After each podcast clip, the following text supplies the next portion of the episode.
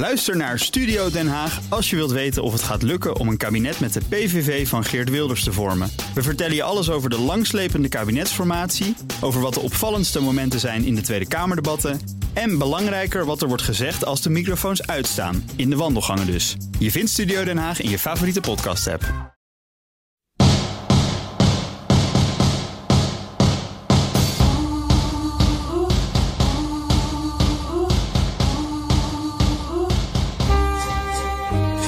De Perestrooikast. Een blik op Oost-Europa.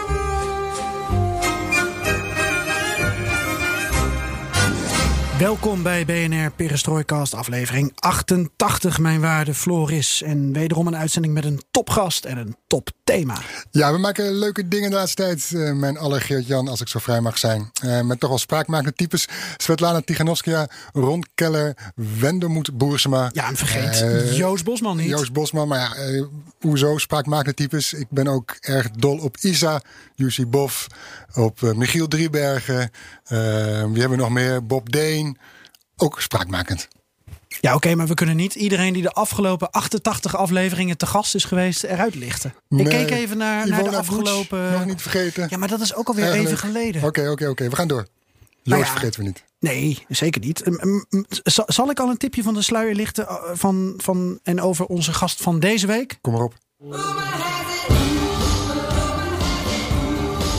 Ja, ik vind hem leuk bedacht. Uh, uh, aardige, aardige man trouwens. Uh, ja, hij heeft het wel. Hij heeft het, het wel. Nog niet, nog, had ik dat nog niet mogen zeggen. En het was een bijzonder gesprek dat we afgelopen week met hem hadden. Waarvoor we afreisden naar Alkmaar.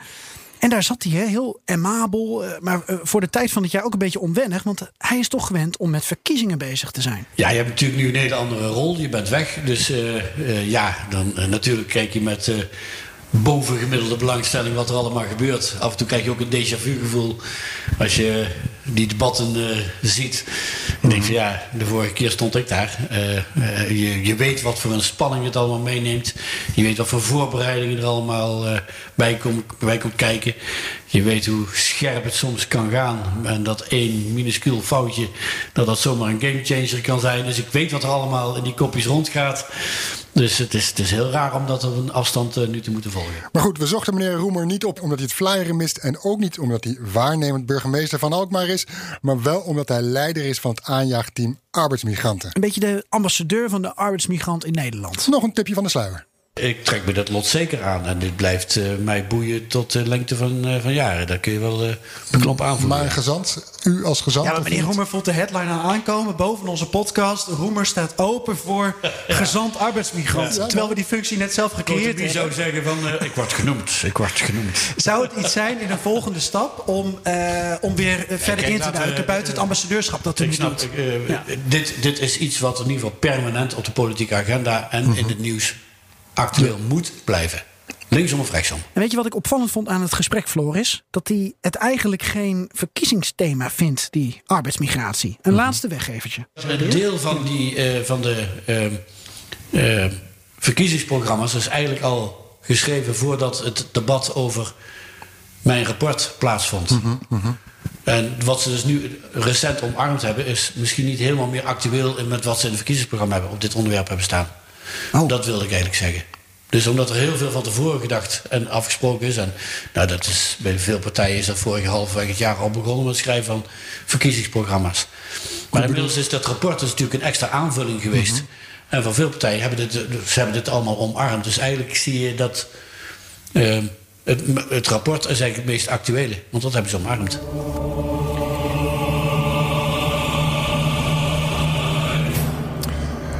Ja, even inleiden waarom wij dit doen. Een interview met Emiel Roemer over arbeidsmigranten in Nederland. We zijn natuurlijk een podcast over Centraal- en Oost-Europa, maar dat houdt niet op aan de Pools-Duitse grens. We hadden het twee afleveringen terug ook over Russisch en Gronings gas.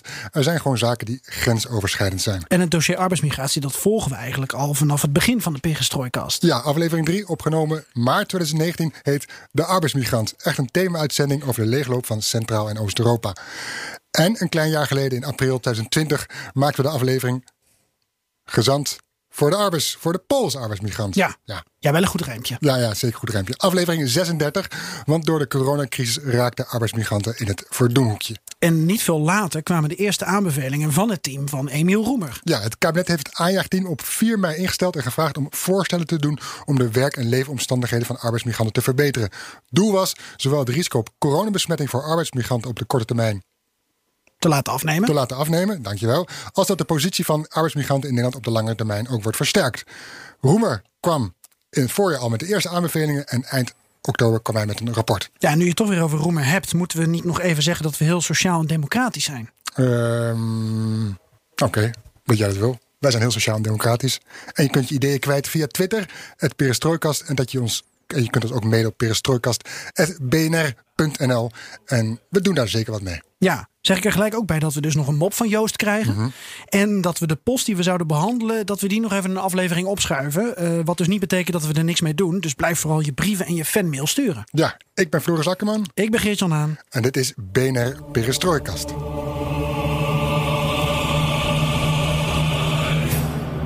Nog een paar minuten geduld. Dan ga je Emiel Roemer horen met ons. Anders is het geen perestrooikas natuurlijk. Maar Floris, wat belangrijk is bij dit verhaal... is, is toch even um, twee zaken benoemen die, die wij hebben geconstateerd. Die pakken we er even bij. En, en mag ik een keer beginnen?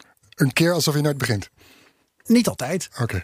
Okay. Wist je dat er in het OMT-advies uh, soms wel eens aandacht is voor de arbeidsmigrant? Um, ja, ik heb me ingelezen, dus ja. Ja. het komt er terug in het gesprek met Roemer. Ja. Maar goed, um, de luisteraar niet. En dus wil ik je graag toch even vertellen wat er de, uh, in het advies, het laatste advies stond, advies 103.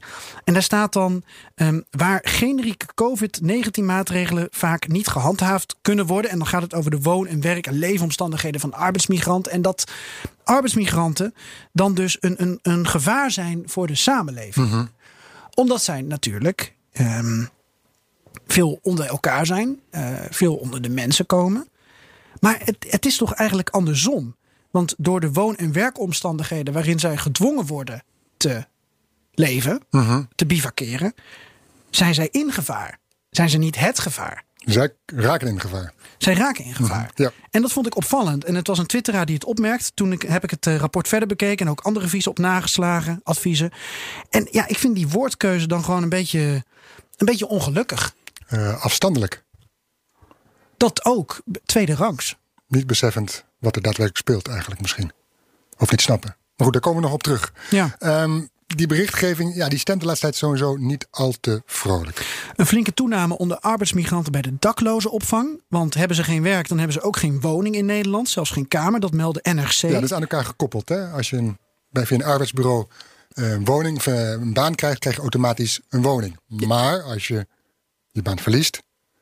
Ja, dan verlies je ook je woning. Juist. Ja, en, en die was al niet echt uh, om over een huis te schrijven, zoals ze net constateerden. En honderden mensen zijn de afgelopen maanden alleen al in de vier grote steden daardoor uh, op straat beland. Mm -hmm. En ook in het nieuws, Floris, dat honderden arbeidsmigranten bij hun bedrijven uh, getest worden op drugsgebruik.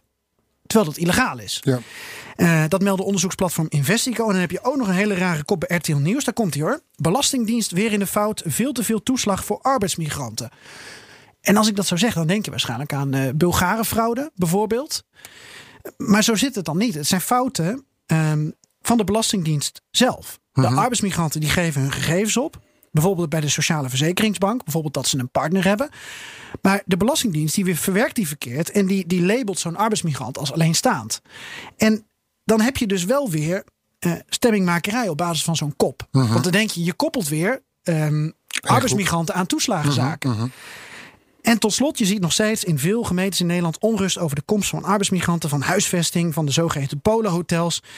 En, en, en die onrust is soms ook wel te begrijpen met deze berichtgeving, maar het tekent wel de lange weg die er gewoon nog uh, te gaan is. Zeker, zeker. Uh, nou ja, mijn, mijn nieuws sluit hier dus deels bij op aan. Een opiniestuk van drie Partij van de Arbeid kopstukken op bezoek bij arbeidsmigranten. Het artikel staat op joop.nl en de kop is bescherm arbeidsmigranten tegen malafide uitzendbureaus.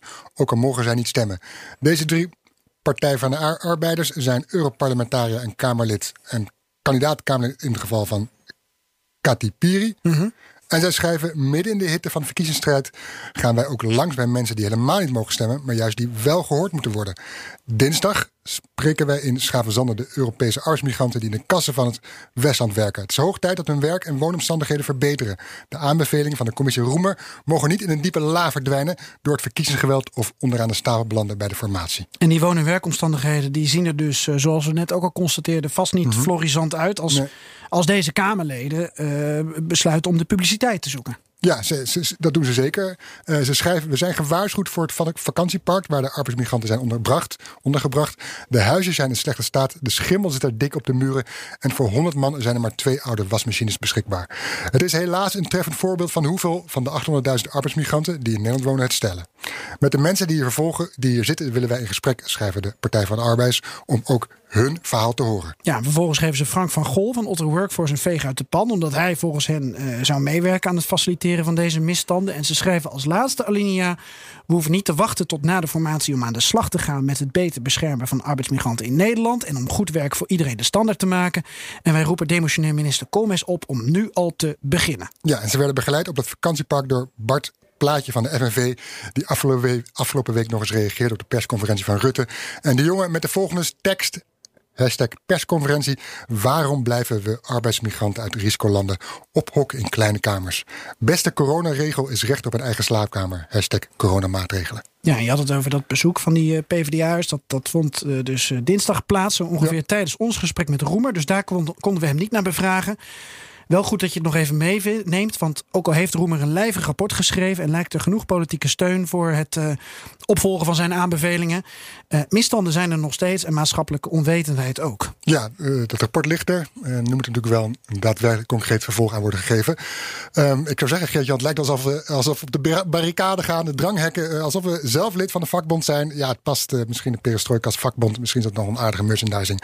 We zullen dan maar naar Alkmaar gaan. De stad Ja. van Kaasmarkt, van voetbalclub AZ, van een stedenband met het Hongaars, Hongaarse Tata, gelegen aan de spoorlijn van Wenen naar Boedapest. En dus nu even van Emiel Roemer. En dan zwaai ik even met mijn toverstafje. We zien het kliertje roze hier, kliertje roze daar. Je dat niet? We zijn in Alkmaar. Familie Knots, oké. Bij ons dus, of beter gezegd bij hem, Emiel Roemer, tegenwoordig waarnemend burgemeester van Alkmaar.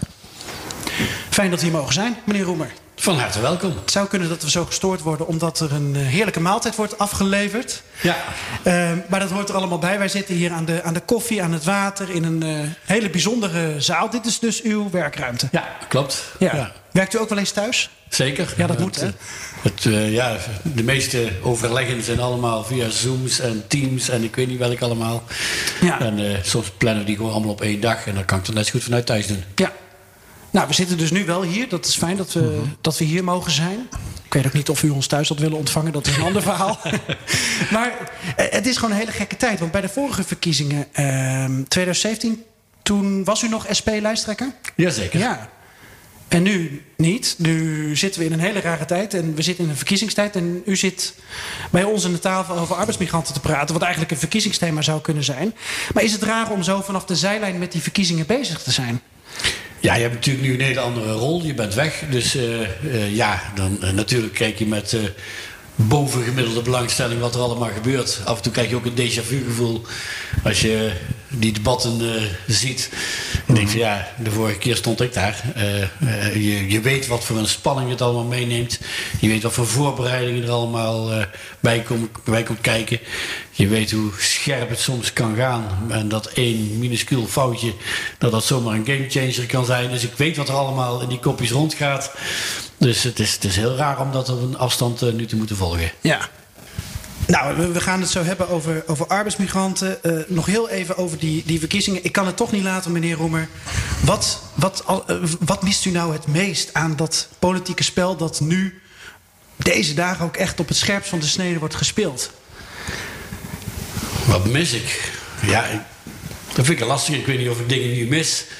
Omdat je natuurlijk... eh, kijk, die spanning is, die, die, is natuurlijk heel apart. Eh, Als je er middenin zit, dan voel je de spanning door je lijf gieren.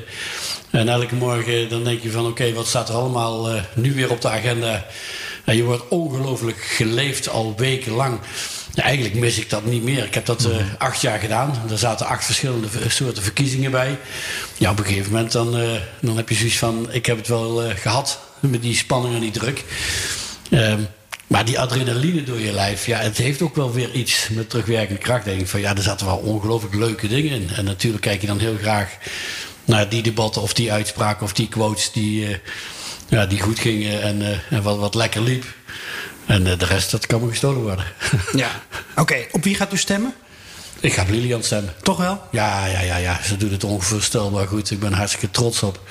Boegbeeld. En uh, nee, die uh, zonder enige twijfel. Oké. Okay. Genoeg over de verkiezingen, Floris? Of wie ga jij stemmen? Genoeg over de verkiezingen. Jij hebt wel een rood, uh, laat ik niet rood tenuutje aan vandaag. Ja, ja, kijk, kijk, we hebben het, uh, komt vaak in Oost-Europa. Dus dan, ja, dan, dan ben je toch uh, communistisch, hè? Dus ja. kom ik al snel bij de SP in de buurt. Ja, ik, ik merk het aan je. Holandia to siódma gospodarka świata. Najbardziej rozwinięty jest sektor rolniczy, logistyczny i przetwórczy.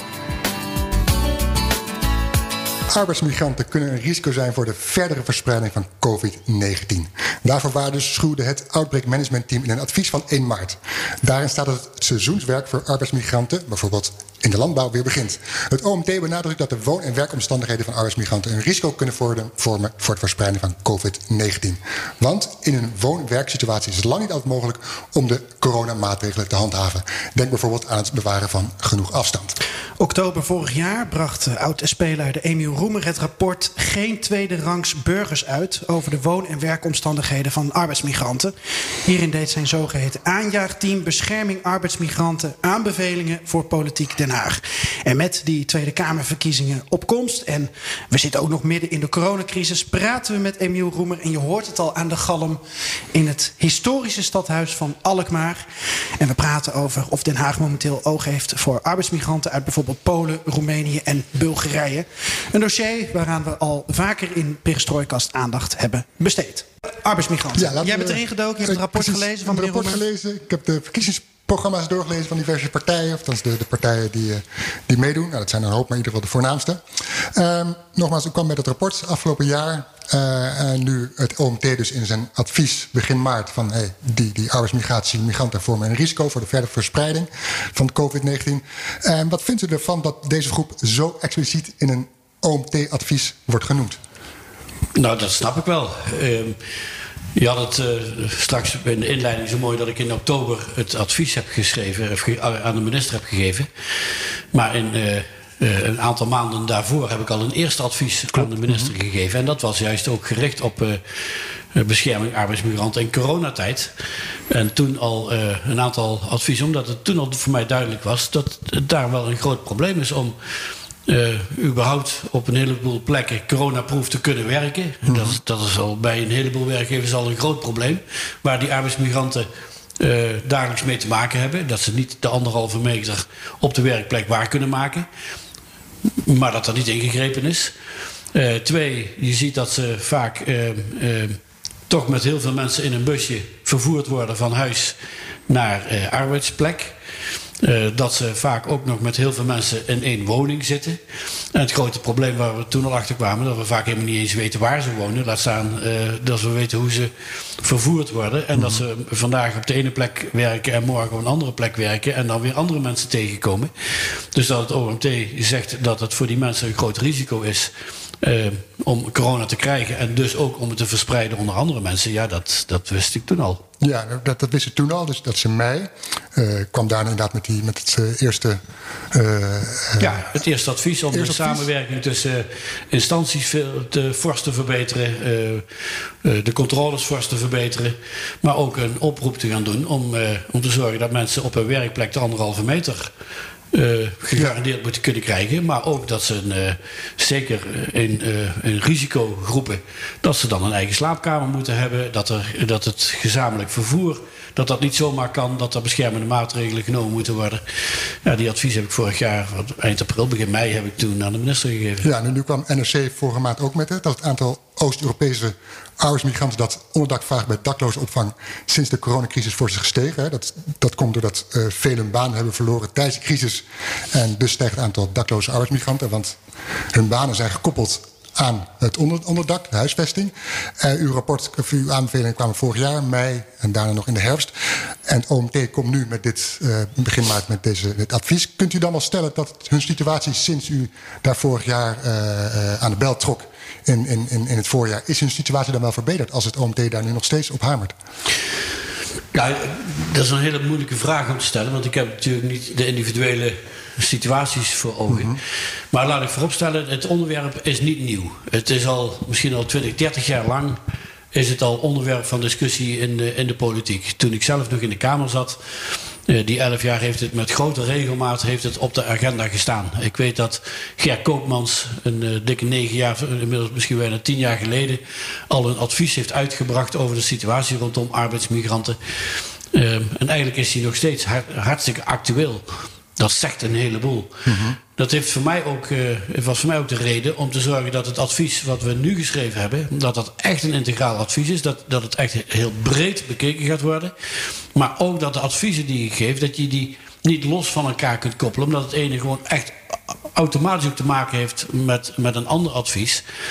Uh, maar ook heel concreet wat er precies door wie moet gebeuren. Is het een, uh, een zaak die de minister moet doen? Kan het überhaupt al meteen zonder wetswijziging? Is het iets voor de sociale partners? Is het iets voor de gemeentes, voor de provincies?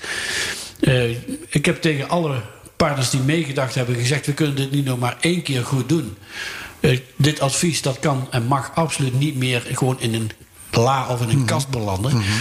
Want na 10, 20 jaar moet er nu eindelijk eens een keer structureel iets veranderen en verbeteren. Uh, in, uh, in, wetgeving, in controles, in, in, huisvesting, in registratie, in alles wat in het rapport staat. En dat kunnen we één keer goed doen. Dus dat het OMT er nu ook nog mee komt, is alleen maar een bevestiging dat het nu eindelijk hoog op de agenda staat. Mm -hmm. De Tweede Kamer heeft recent een overgrote meerderheid voor het omarmen van het hele advies, inclusief alle voorstellen, gestemd. Mm -hmm. Uh, de minister heeft het uh, hele rapport omarmd. Dus ja, de tijd is nu rijp om, uh, om nu echt vol op de uitvoering in te gaan. Ja. Ik zit me wel af te vragen, u bent op dit moment geen actief rapporteur. Hè? U gaat nu niet dagelijks overal kijken bij bedrijven hoe het ervoor staat. Nee, mijn, mijn taak zit erop. Ik ben alleen nog uh, blijvend ambassadeur voor. Uh, ja. om, om, om, en daar blijf ik totdat het laatste advies ook is uitgevoerd. Heeft u uh, wel een, een voorzichtig optimisme op basis van de signalen die u als ambassadeur meekrijgt? Ja, ik, heb, ik ben heel optimistisch, omdat. Dus de eerste, kijk, we hadden naast het aanjaagteam hadden we ook een groot ondersteunend team. En dat, uh, in dat, uh, die ondersteuningsgroep, uh, daar zaten eigenlijk alle vertegenwoordigers van vakbonden, werkgeversorganisaties, brancheverenigingen. We hebben zo uitgebreid met iedereen gesproken die er maar iets zinnigs over kon zeggen. Veel arbeidsmigranten, veel op locatie geweest. Meer dan 50 werkbezoeken heb ik gedaan. We hebben met de ambassadeurs van verschillende landen gesproken. We hebben met de rapporteur mensenhandel gesproken. Nou, ik, ik, kan me niet voorstellen dat we iemand niet gesproken hebben. En uiteindelijk iedereen in hoofdlijnen achter dit rapport gekregen. En dat betekent dat iedereen zich er nu echt wel van bewust is dat die verandering en die verbeterslag dat die nu gemaakt moet worden. Ja. Mhm. Die, die groep, hè, het gaat om 500.000 arbeidsmigranten uit EU-landen. Grofweg, eventjes uh, makkelijk gezegd. Uh, die groep die het nu moeilijk heeft vanwege corona. Weet, heeft u een idee hoe groot die groep is? Nee, dat, ik kan een gissing doen, maar dat vind ik uh, onverantwoord. Die groep is groot. Mm -hmm. Die groep is heel groot. We hebben dan over 10.000, 20.000. Ik ga toch even. Nee, dat zit, dat zit vele malen daarboven. Mm -hmm. Vele malen daarboven. Uh, je hebt zelf al een aantal signalen net al afgegeven. Je ziet het alleen al het aantal mensen dat zich meldt bij het leger des Hels. Om maar eens wat te gaan noemen. Maar we zitten uh, natuurlijk ook met een hele grote groep die met onder erbarmelijke omstandigheden in een huisvesting zitten. Dat, is, dat was al voor corona, dat is nog steeds zo, maar dat is in corona misschien alleen nog maar erger geworden. Mm -hmm. Dus dat hier veel mis is. Dat hier veel mensen uitgebuit worden. Dat er veel sprake is van omstandigheden die echt niet door de beugel kunnen. Nou, dan praat je niet over incidenten. Dat is een structureel probleem. En dan gaat het hier over 100, misschien wel 200.000 mensen die, waar het gewoon niet goed is. Ik, ik, ik, ik plak er nou een cijfer aan die ik niet kan staven. Maar dat het een hele grote groep is, dat is absoluut maar feit. U bedoelt ermee ook dat er nog waarschijnlijk heel veel onder de radar plaatsvindt? Ja, is, kijk, een van de belangrijkste adviezen die ik ook heb gegeven is dat voor de short stay arbeidsmigranten dat wij geen idee hebben waar ze wonen. Nou, als je al niet weet waar ze verblijven, dan weet je ook niet wat er gebeurt uh, met die mensen. Uh, die, ja, wellicht uh, hebben die ergens werk gekregen. We weten het niet. We weten dus ook niet onder wat voor een contracten ze werken. dat is dan heel vaak gekoppeld aan huisvesting. Ja. Maar precies zoals u zelf al zei, dan zijn ze ongelooflijk afhankelijk van degene die ze hier gehaald hebben. Dat begint al bij het binnenhalen. Heel veel mensen worden gewoon geronseld ergens in Europa met uh, hele prachtige verhalen dat er hier heel veel werk is en uh, mooie huisvesting, dat alles geregeld wordt, goede salariering.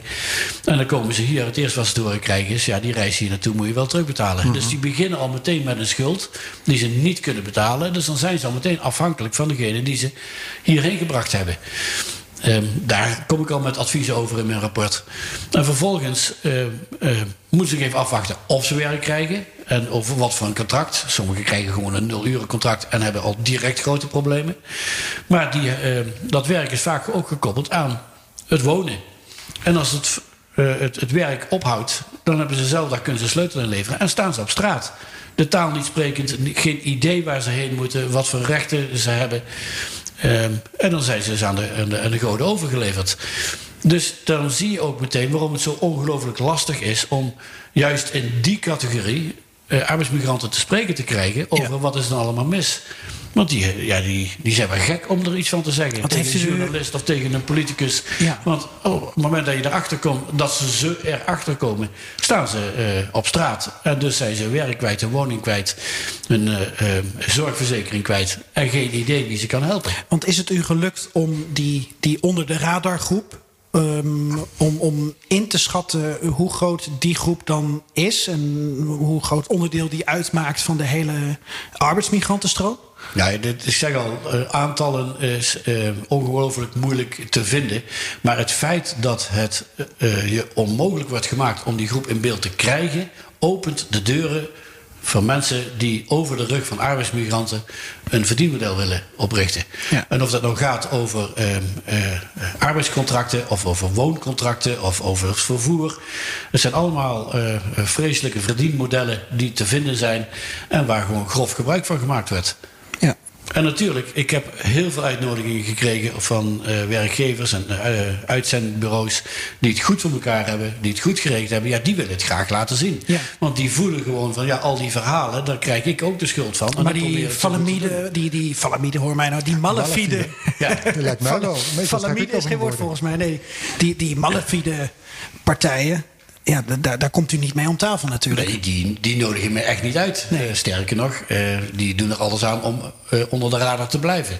Maar daarom zie je dat het hele systeem gewoon niet op orde is. Omdat je dus daar nauwelijks grip op hebt, omdat je er geen zicht op hebt. Mm -hmm. ja. Ik ben om maar een paar voorbeelden te noemen. Ja, ik, kan, ik kan hier een podcast van maken van ja. 20 uur. Dan ben ik nog niet klaar hoor.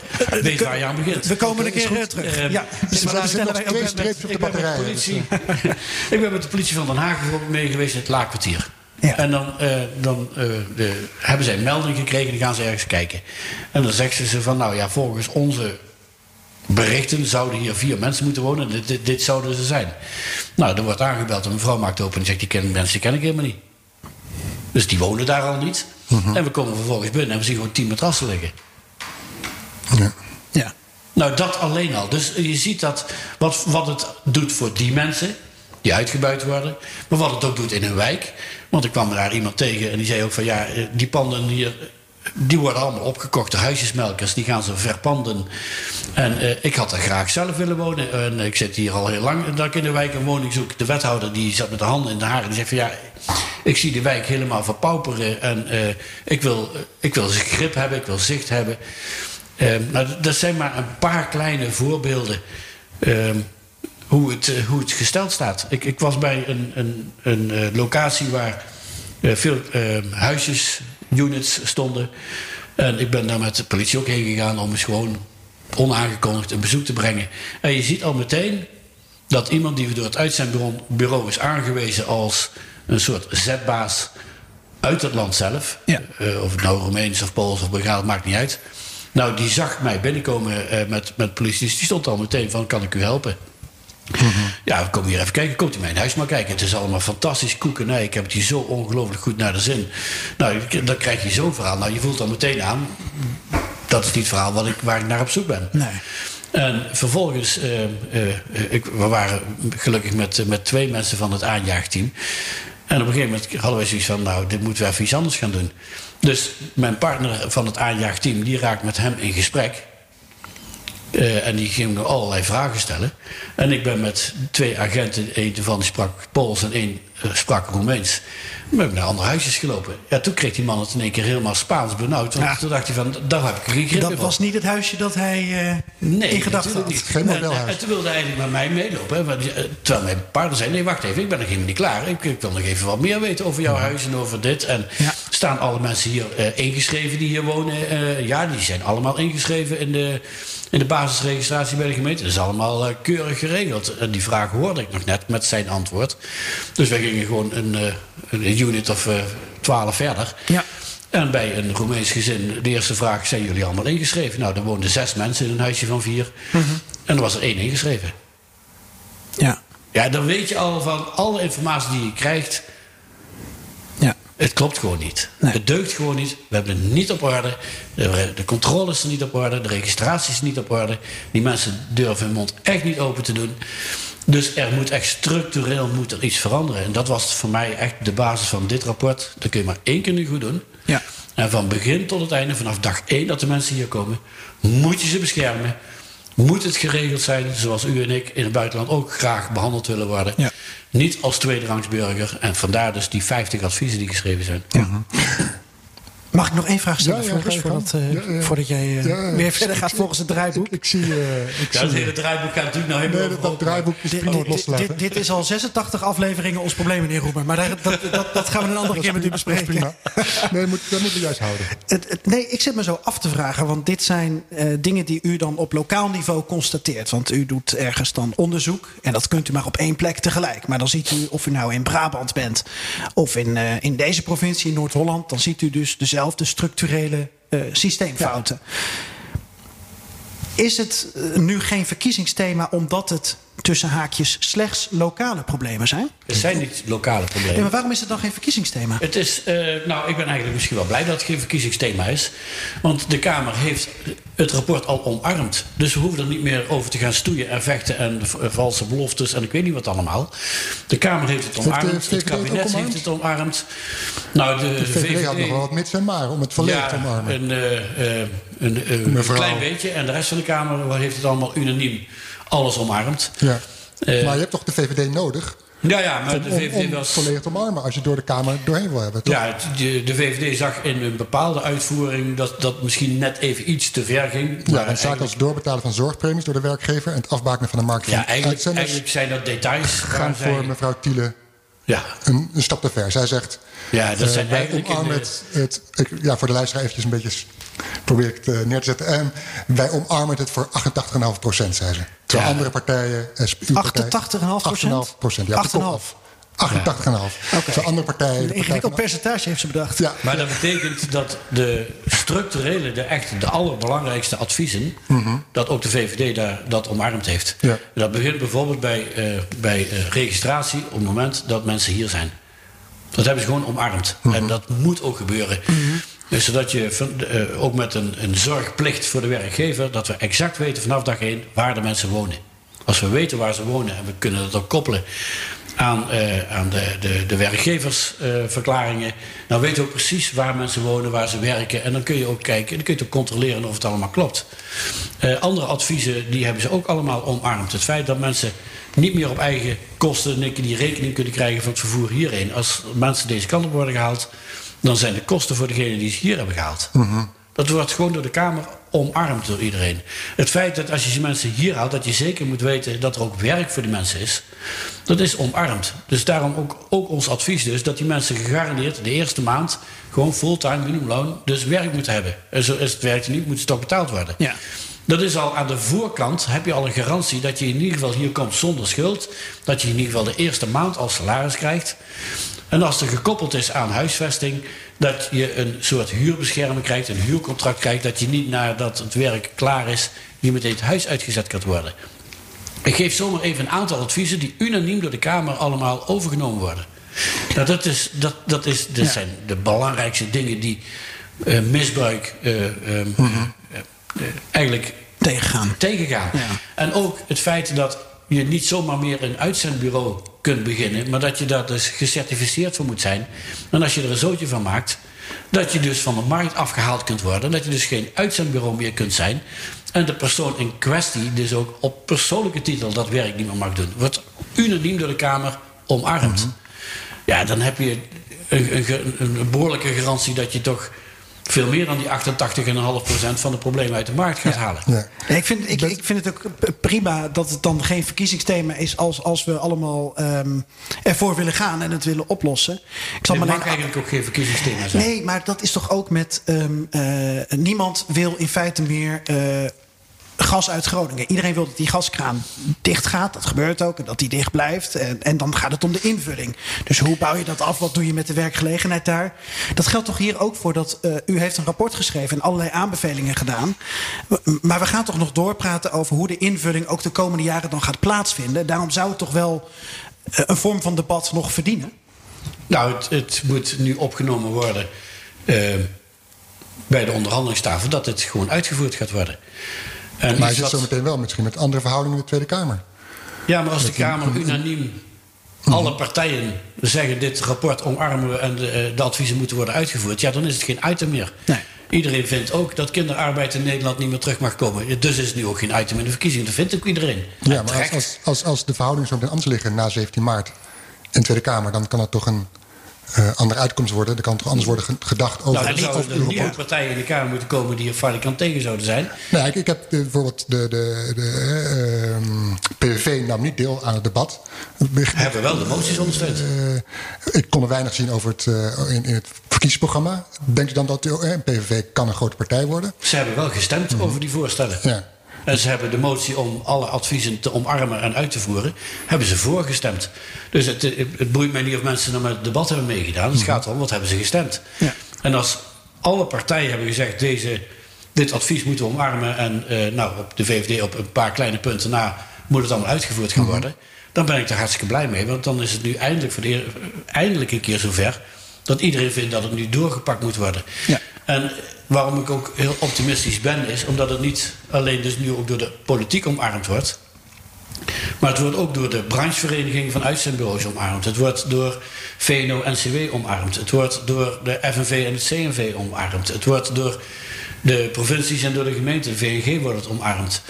Ik heb eh, eh, eh, interviews gegeven en, en seminars gedaan voor de vereniging van burgerzaken bij gemeentes. Die zeggen, eindelijk, dit is waar we op zitten te wachten, dit moet gebeuren. Wij zullen nog een keer brieven ondersteunend naar het kabinet sturen van, eh, als VNG. Van doe dit nou, dit helpt ons met de problemen oplossen. Ja. Dus ja, dan, dan ben ik blij dat ze er in een verkiezingstijd geen item van maken. Want dan vindt iedereen het niks meer dan normaal dat het uitgevoerd wordt. Terug naar het draaiboek. Ik had duidelijk Nee, ja, eh, geen punt. Ik stap ook van het draaiboek af. Ehm, en u zegt het wordt omarmd. En wordt ook door bewoners van gemeenten omarmd. Want je ziet nogal, ook in West-Friesland, eh, niet ver hier vandaan van Alkmaar, maar ook in Noord-Holland, dat er verzet is bij bewoners als daar wel of geen eh, eh, huisvesting komt voor uh, arbeidsmigranten. Ze klagen over overlast, over. te, nou ja, in ieder geval, Ik denk dat. daar is lang niet altijd worden ze met open armen ontvangen. Nee, en daar gaan wij in onze adviezen ook op in. De rol van, van gemeentes. Ehm, een van de adviezen is ook als jij een bedrijf binnen, binnenhaalt. Eh, bijvoorbeeld een groot logistiek bedrijf. Dat je dan één op één ook moet gaan kijken. Wat betekent dat voor de mensen die hier komen te werken. En als daar eh, waarschijnlijk veel arbeidsmigranten komen werken. Dan zul je eigenlijk meteen moeten eh, meenemen. Waar gaan we ze dan huisvesten? Want je kunt dat niet zomaar overlaten aan andere gemeenten. Dus dat probleem hebben we ook echt bij de VNG neergelegd. Van het is hartstikke mooi dat je mooi met een, met een vlaggetje omhoog staat te, te juichen van we hebben een werkgever binnengehaald bij ons. Maar als je dan niet gaat nadenken wat dat betekent voor huisvesting, dan heb je een ander probleem. Ehm, een andere is ook dat wij hebben ehm, eh, geadviseerd om te gaan kijken, zeker voor die short stay, kun je ook tijdelijke oplossingen bedenken die niet midden in de woonwijken gaan plaatsvinden. Want waar mensen vooral last van hebben, zijn dat die panden opgekocht worden voor die short stay mensen. Die komen hier tijdelijk werken om gewoon geld te verdienen, eh, dat terug te sturen of terug, daarna terug te nemen. Niet voor de mensen die permanent hier willen blijven. Want die, die, die, die vinden hun weg wel in de woningmarkt en in de arbeidsmarkt. En die, eh, die gaan integreren, die gaan bij de voetbalclub. En is, bedoel, dat is het probleem niet. Ja. Die verpande, opgekochte straten, kan ik inmiddels wel zeggen. Dat is het probleem. Of een locatie waar in één keer 400 mensen gehuisvest worden... eh, aan de rand zonder enig vertier, zonder enig eh, eh, controle... Dat hebben mensen zoiets van, ja, maar dat, dat gaat niet werken. En dat is toch hartstikke terecht. Ik heb prachtige locaties gezien... waar mensen veel vierkante meters hebben om te wonen... Ehm, eh, waar ook eh, de controle er is, waar er voorzieningen zijn, waar sportvoorzieningen er zijn, die niet gewoon midden in de woonwijk liggen. En waarvan de buurt zegt van nou, dat is hartstikke mooi, dat is goed geregeld. En waar die mensen zelf ook zeggen, het is een fantastische plek om te, om te wonen. En het is ook een vlak bij mijn werk, dus we kunnen er op de fiets naartoe. Eh, dus het kan wel, maar het moet georganiseerd worden. En we, we hebben wel altijd de mensen hierheen gehaald. We hebben ze heel vaak slechte arbeidscontracten gegeven, slechte woonruimte gegeven. En dat moet gewoon niet meer kunnen. En dan, als er dan mensen deze kant op komen, dan weet je ook dat ze werk hebben, dat ze ook normaal betaald worden, dat ze normaal door kunnen stromen Ja. eh, in contracten, dat ze normale huisvesting hebben. En dan, eh, ja, dan, dan is het draagvlak ook veel, veel groter. Er worden ook niet massaal mensen hierin gehaald... waarvan de helft misschien maar met een nul uur contract naar zit te staren... en om vervolgens bij het leger de zeils aan te kloppen. Meneer Roemer, wordt een, een Pool in Nederland of een Roemeen in Nederland... of een Bulgaar of voor mijn part een Oekraïner net buiten de EU... wordt die wel op dit moment, anno 2021, voor vol aangezien? Een groot gedeelte absoluut niet, nee. Daarom noemen we het ook... eh, het zijn geen tweederangs burgers. En in de praktijk is dat dus wel... Ja. Het zijn de slaven van onze tijd. Nou, dat vind ik, vind ik zwaar woord. Eh, eh, het, het, dat er veel sprake is van uitbuiting is gewoon een feit. ja. En Maar uitbuiting moet je gewoon keihard aanpakken. Nou, het is interessant omdat u aangeeft... eh, de politiek heeft het omarmd. Nou, de VVD voor 88,5 procent. maar goed, dat moeten zij weten. Eh, we zoeken natuurlijk ook naar maatschappelijk draagvlak. We Ja. zoeken dus naar een moment dat wij allemaal denken... van hé, hey, die Pol, dat is niet de stukken door... Dat is een, eh, een dokter. Dat is een, een, een, het maakt ook niet uit wat voor werk je doet trouwens. Maar dat is gewoon hè, iemand net als Nou, ik. dat zeg je nou in een bijzin. Het maakt wel uit. Ik merk het ook gewoon dat het wel uitmaakt. De grootste problemen zitten met name in de laag betaalde banen. Want ik heb ook een plek gezien eh, een, eh, bij een uitzendbureau die kwam... waar ze hoogopgeleide lasters hadden. Nou, die hadden een vet salaris, die hadden een prachtig woonhuis hoor omdat er een enorm schaarste tekort is aan goede lasters.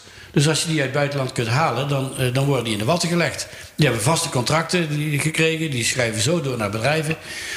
Daar zit het probleem niet. Het probleem zit hem juist in de laag eh, eh, betaalde, eh laaggeschoolde arbeid. Daar zit het probleem. En dat zijn de mensen die, die tijdelijk hier zijn, die we dus niet weten waar ze zitten. En die worden gewoon op alle mogelijke fronten, met grote regelmaat, worden die uitgebuit. Ja. En die worden niet serieus genomen. Ehm, laat staan dat zij dus ook niet naar een samenleving zeggen van ja, als jullie mij niet serieus nemen en, en uitbuiten, moet ik dan heel vriendelijk gaan worden in het land waar die mij aan het uitbuiten is. Dat is natuurlijk een wisselwerking die je op je klompen kunt aanvoelen dat dat gaat gebeuren. Ja. Die hebben dan alleen maar ook voor hoe kan ik hier zoveel mogelijk geld verdienen en dan weer als een sodemieter terug. Ik, ik, ga, ik ga een boekje open doen, Floris. Ik ga een persoonlijk verhaal nu eh, ga ik aan een vraag koppelen. Ik heb een Oekraïense schoonmaker. Ik heb een schoonmaakster. Het, het is eigenlijk een familie. Het is een, een man en een vrouw die zijn getrouwd. En een, een moeder, een oma. Hun kinderen wonen nog in West-Oekraïne. En ehm, om de 90 dagen werken zij in Nederland. En dan proberen ze dus op die manier de EU in te gaan. En dan er je weer uit te de reizen. politie nu achter zo meteen achter ze gaan? Of eh, dat, Het- nou ja, ik vind ook, omdat we het hierover hebben, dan, dan ga ik ook gewoon eerlijk mijn eigen situatie vertellen. Ehm, wij betalen ze eh 50 euro voor één keer in de twee weken, weken schoonmaken. Voor 2,5 uur werk.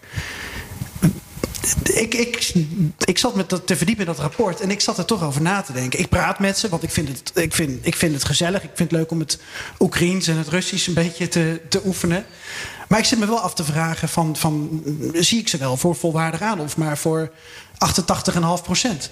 Ja, ik geef ze de vraag eh, stellen is de vraag beantwoorden. Ja, Zeg het maar. ik weet het niet. Nee. Maar dan moet je nagaan dat ik dus, denk ik, heel goed in dit dossier zit. Dat ik zelf notabene in Oekraïne heb gewoond, heb gewerkt. En dat ik al die twijfel heb. Ja, hoe moet het niet voor al die andere Nederlanders hier dan Zeker. gelden? Want, want waarom zou hè, de Nederlandse burger zich het lot van arbeidsmigranten moeten aantrekken? Wat is daar. Nou ja, dat begint heel plat gezegd, omdat ze er zelf ook last van hebben. Er is al een enorm tekort aan, eh, aan woningen. En als huisjesmelkers dan eh, alle beschikbare woningen uit de wijken wegkapen en dan mensen installen, heb je er al last van.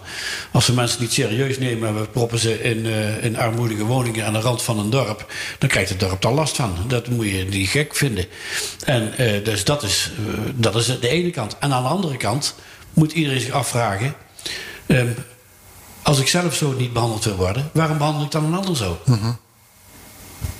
Zoals je omgaat met een ander, gaan ze ook met jou om. Jij gaat toch ook niet naar het buitenland om uitgebuit te worden, om, om ergens in een of andere kot waar de schimmel tegen de muren omhoog kruipt, eh, waar je van contractje kan naar contractje eh, niet weten of je morgen nog een baan en een huis hebt. Dat weet je zelf toch ook niet? Waarom doen wij het dan anderen aan? Maar hoe moeten wij dan stoppen ook met die Het is, goedkope pol? het is vaak dat heel veel mensen dit gewoon niet weten.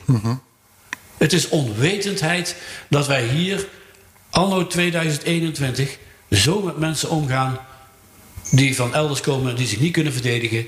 Die eh, eh, eh, vanwege de afhankelijkheid hun mond niet open durven te doen. Die de taal niet spreken. Die maar tijdelijk zijn. Die gewoon platweg uitgebuit worden. Als je dat niet weet, dan ja. Maar moeten wij dan ook stoppen met die eh, Poolse stucadoor die ons de, de, de muur gaat Ik doen? ga helemaal niet stoppen met een Poolse stuk. Die goedkoper, die goedkoper is. Want dan werkt het natuurlijk in de hand, of niet? Nou ja, dat werkt in de hand. Ja, Ja, wij nou, dan- als, als maar er wij willen graag Als er hier werk is, dan mag iedereen hier van mij, wat mij betreft, komen werken. Onder dezelfde voorwaarden, onder dezelfde omstandigheden, met dezelfde normen, zoals dat hier gewend zijn. Mhm. Dan stop je niet tien mensen in een, in een bouwvallige keet. Dan ga je niet met z'n zessen in een, in een veel te kleine camping, eh, in, in, in, een- in, een, in een caravan eh, iemand huisvesten. Dan laat je niet iemand. Ik heb mensen gesproken die hier al twintig jaar werken en nog steeds het allergoedkoopste contract krijgen van contract naar contract, van uitzendbureau naar uitzendbureau. Maar moeten wij dan als burger zeggen van nou, ik wil graag weten wat uw omstandigheden zijn? Of wat, wat zouden wij Nou ja, dat, doen? dat, dat doen jullie al eh, door, eh, door dit gesprek. Ja. Jullie maken het al zichtbaar. Mijn rapport heeft heel veel aandacht gekregen. de, de politici zijn er eh, eh, voor grote delen van geschrokken. Die hebben eh, in de gaten gekregen, er moet echt iets gebeuren. Het heeft, ik heb op eh, in iedere krant en op iedere radio en iedere televisiestation heb ik mijn verhaal kunnen doen. Ehm, dus ja, het is nu, mensen kunnen niet meer zeggen, we weten het niet. Maar dan is het misschien tijd voor een volgende stap. Eh, behalve onze mindset. Wij hebben het eerder in, in, in onze podcast, eh, dat zei Floris al gehad over arbeidsmigratie. Onder andere met eh uh, Kaczewska-Bos. En zij pleiten. Is hoofdredacteur van ja, van de website Polonia. En, en, en toch wel een van de. Uh, uh, nou ja, dat maakt er niet uit. Die zin haal ik eruit. Ik weet niet wat ik, wat ik wil zeggen. Nee, uh, zij pleit heel nadrukkelijk voor een, een. Nou, we hebben daar zelf maar een rijmpje van gemaakt. Een gezant voor de arbeidsmigrant. Dat er een soort. Coördinator komt in Nederland. Nou, eigenlijk heeft u dat natuurlijk met, met uw rapport voor een deel ja. al uh, gedaan. Maar iemand die het op de agenda blijft houden, die het blijft aankaarten, die ervoor zorgt dat uh, de, de, ideeën die u heeft en die in het rapport zijn en die dus zijn omarmd, dat die ook daadwerkelijk worden uitgevoerd.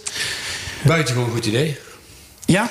We hebben het, uh, ik heb het in een iets andere vorm in het advies wel geregeld dat er in ieder geval in Den Haag uit het aanjaagteam uh, voor een deel compleet blijft. Ja, ik ben er dan als boekbeeld natuurlijk, natuurlijk weg. Ja. Maar die uh, ambtelijk het uh, in de gaten blijft houden hoe ver het precies staat. Met de uitvoering van al die adviezen. En minimaal één keer per jaar de Tweede Kamer adviseert over de uitvoering van de adviezen. Maar daarbovenop nog een boekbeeld als een soort gezant zou helemaal niet verkeerd zijn. Is dat niet iets voor u? U bent waarnemend burgemeester van Alkmaar. Daar daarna, ergens geloof ik al een nieuwe burgemeester Ja. op komst. Daarna zou je dit Ja, een beetje raar om nu zelf in één keer te gaan solliciteren op een, eh, op een, op een functie die er nog niet is. En die ik nog zelf ga Ik heb omarmen. altijd geleerd dat je zelf je eigen werk het leven moet roepen. Dus, Ja, eh, ja, ja, ja. Nou, bij deze.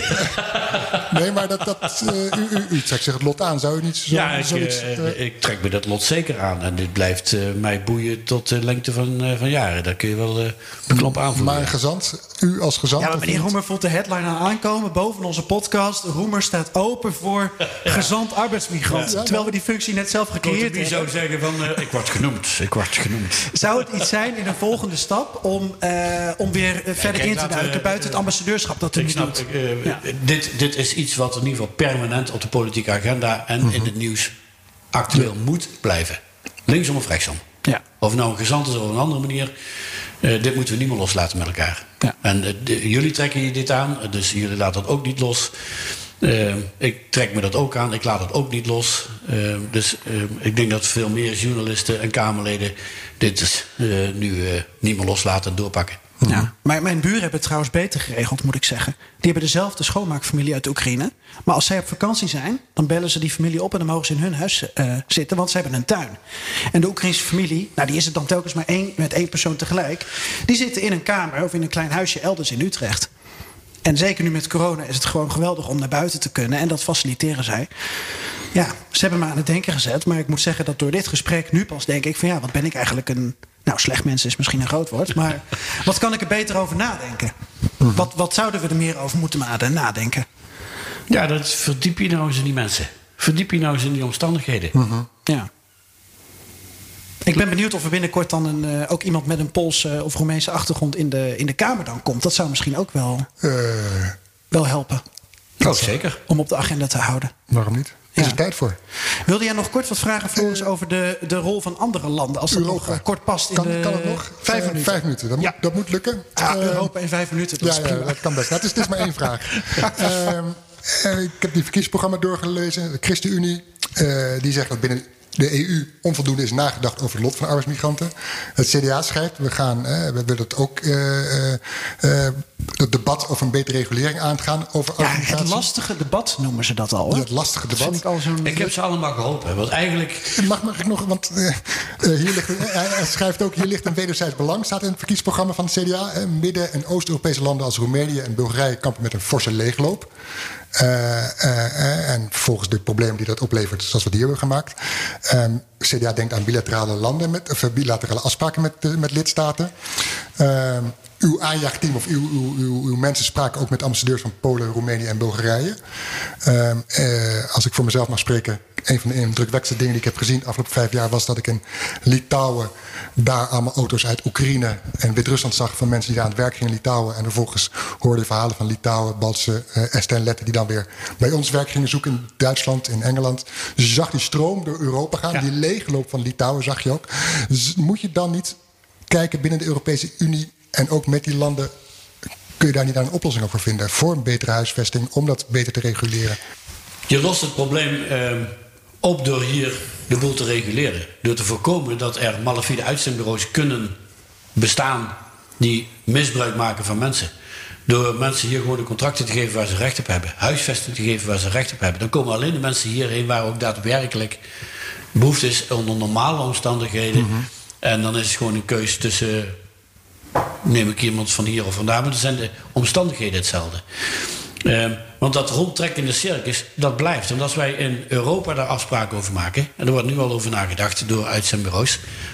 dan halen we Zuid-Afrika of dan halen we ze uit de Filipijnen. Mm -hmm. Want men is toch, zolang ze de kans krijgen... op zoek naar dat afvoerputje van de goedkoopste arbeider. Dus dan zoeken ze het wel elders. Uh, als je daar geen paal en perk aan stelt. Mm -hmm. Dus wij moeten hier gewoon harde afspraken maken, zoals in het rapport staat... over uh, hoe je malafide uitzendbureaus kunt aanpakken. Welke afspraken gemaakt worden. Hoe je de mensen gaat beschermen.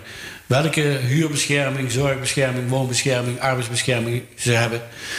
En dan voorkom je dat er misbruik gemaakt wordt. En dan voorkom je ook dat mensen in grote hoeveelheden door heel Europa moeten gaan ja. reizen om ergens anders uh -huh. iets te gaan doen. Ja. Maar als een, een partij als het CDA dan schrijft: we willen in Europa het lastige debat aangaan. Ja, u zegt eigenlijk, wij moeten het zelf hier goed op orde hebben. Ja. En, en daarna pas Europa breed kijken. Nou ja, het is altijd goed om het Europa breed te gaan kijken. Want je ziet gewoon wat jullie zeggen, een rondtrekkend circus. Mensen uit Polen zullen iets minder snel nu naar Nederland komen... omdat de omstandigheden in Polen fors verbeterd zijn. Dus het, de, de, de, de roep om dan naar hier te komen... eh, Dat verschil wordt steeds Maar kleiner. de bussen gaan nog steeds hoor. Vanuit het zuidwesten van. Polen, Maar tweemaal daags. Voor Duitsland. een paar jaar terug zag je sowieso dat, al- dat er hele grote groepen van Polen naar Nederland trokken. Vervolgens van Oekraïne naar Polen. En zo blij, ben je Ja, een rondtrekkend nog steeds. Tot aan. Centraal-Azië naar Rusland bijvoorbeeld. Totdat Dat je de is gewoon- laagst betaalde eh, arbeidskracht gevonden hebt. Ja. Nou, dat fenomeen moet je doorbreken. Ja. Ik, ik hoor een gezant. Eh, ik was met, met mijn hele lange vraag bezig. Toen wilde u al wat zeggen. Of heeft u al gezegd wat u toen wilde zeggen? Nee, dat, dat, dat die ze Nou de ja, dienst zeggen dat een deel van, die, eh, van de eh, verkiezingsprogramma's is eigenlijk al geschreven voordat het debat over mijn rapport plaatsvond. En wat ze dus nu recent omarmd hebben, is misschien niet helemaal meer actueel met wat ze in het verkiezingsprogramma hebben, op dit onderwerp hebben staan. Oh. Dat wilde ik eigenlijk zeggen. Dus omdat er heel veel van tevoren gedacht en afgesproken is. En nou, dat is, bij veel partijen is dat vorige halfweg het jaar al begonnen met het schrijven van verkiezingsprogramma's. Maar inmiddels is dat rapport dus natuurlijk een extra aanvulling geweest. En van veel partijen hebben dit, ze hebben dit allemaal omarmd. Dus eigenlijk zie je dat eh, het, het rapport is eigenlijk het meest actuele. Want dat hebben ze omarmd.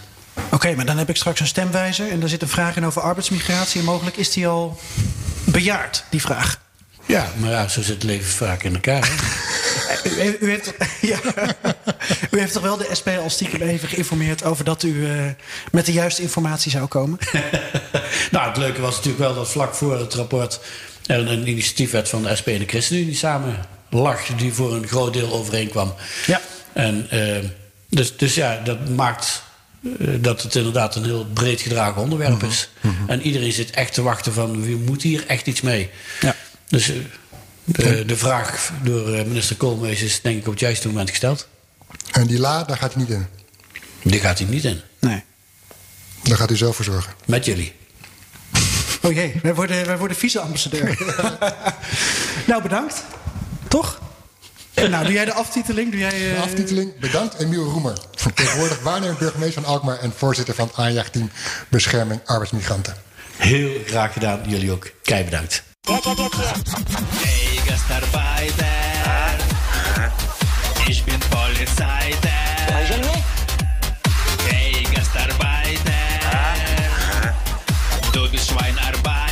Joost Bosman, ahoy. Ahoy. Schipper. in goed Tsjechisch? Goed eens. Ehm, toch eventjes, eh, we kennen de verhalen van Tom Fenning over hardlopen over het Baikalmeer. Voor de liefhebber die dat nog niet heeft gelezen in de Volkskrant... heeft hij het afgelopen weekend een marathon gelopen over het Baikalmeer. Maar als ik me niet vergis, Joost, was jij ook ergens in de buurt met hem mee? Of hoe zat dat? Ik belde je nog wakker ik, namelijk. Ik, ik, ben, eh, ik ben hem achteraan gevlogen, want ik wilde dat wel meemaken. Ja, Cool. Ja, hij, eh, hij, hij is om eh, half negen 's ochtends die ijswoestijn ingelopen. In bijna 30 graden onder nul. En ik was even bang dat ik hem nooit meer terug zou zien. Mhm. Maar smiddags, ik was terug in Irkutsk. Hij was nog aan het Baikalmeer dus. En hij belde me vanuit zijn hotelkamer op, fris als een kropje sla. En had het gehaald. Ja, ja. Gelukkig, gelukkig. En waar- Ongelooflijk, hè? Ja, nou ja, nee, eigenlijk niet. Ik bedoel, het is, dat is, dat is, dat is een, Tom is natuurlijk een, een rete, fitte eh, jonge hond. Maar wat, Iron Man. Maar Ja. wat heeft hij nou Man, gehaald? ja. Voor de mensen die het, het verhaal van niet kennen. Wat heeft hij nou gehaald? Want hij liep rondjes over een dichtgevroren meer. Nou, hoezee. Nou, rondjes. Hij heeft twee- 42,2, eh, 0,6 kilometer eh, eh, gelopen. Mhm. Op Eh, spikes. en hard ook. Ehm, op spikes, ja. Ik geef het je te doen, zeg. Eh, waarvan de laatste 6 kilometer, heb ik van hem begrepen... heeft hij tot in zijn knieën in de sneeuw gestaan. Nou, Netjes. dan komt die finish wel heel langzaam dichterbij, zei hij. Wat, wat heb jij dan allemaal uitgespookt in zijn, in zijn spoor? Nou, ik eh, wilde toch sowieso wel eens een keer die kant uit. En eh, ik heb daar eh, ook wat, wat ja, verhalen gehaald, zeg maar. Het aardige van Irkutsk is dat, of Irkutsk zeggen ze daar geloof ik, is dat ehm, dat de communisten daar eh, eh, vrij sterk zijn. Mhm. En ook eh, erg opstandig tegen het Kremlin. In Mhm. eh, 2015 had Irkutsk al de primeur van een, een, een proteststem, zeg Ja, maar. van. Waarbij de communistische kandidaat van de communistische partij voor het gouverneurschap.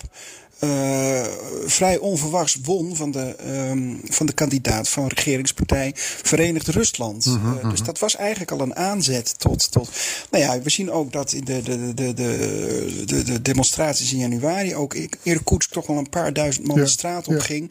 En dat ook die oud-gouverneur inmiddels alweer, die communist, eh, het ook voor Navalny heeft opgenomen. En dat is toch wel heel aardig, want dat betekent dat er in de communistische partij, de KPRF, hè, waarvan eh Zuganov, Gennady Zuganov, de voorman is in de Duma, een soort meubelstuk geworden daar al, want hij zit er al meer dan een kwart eeuw, eh, ja, een heel andere lijn trekt. Die zegt, Navalny is een, een agent van het Westen, die het regime van Poetin omver wil werpen.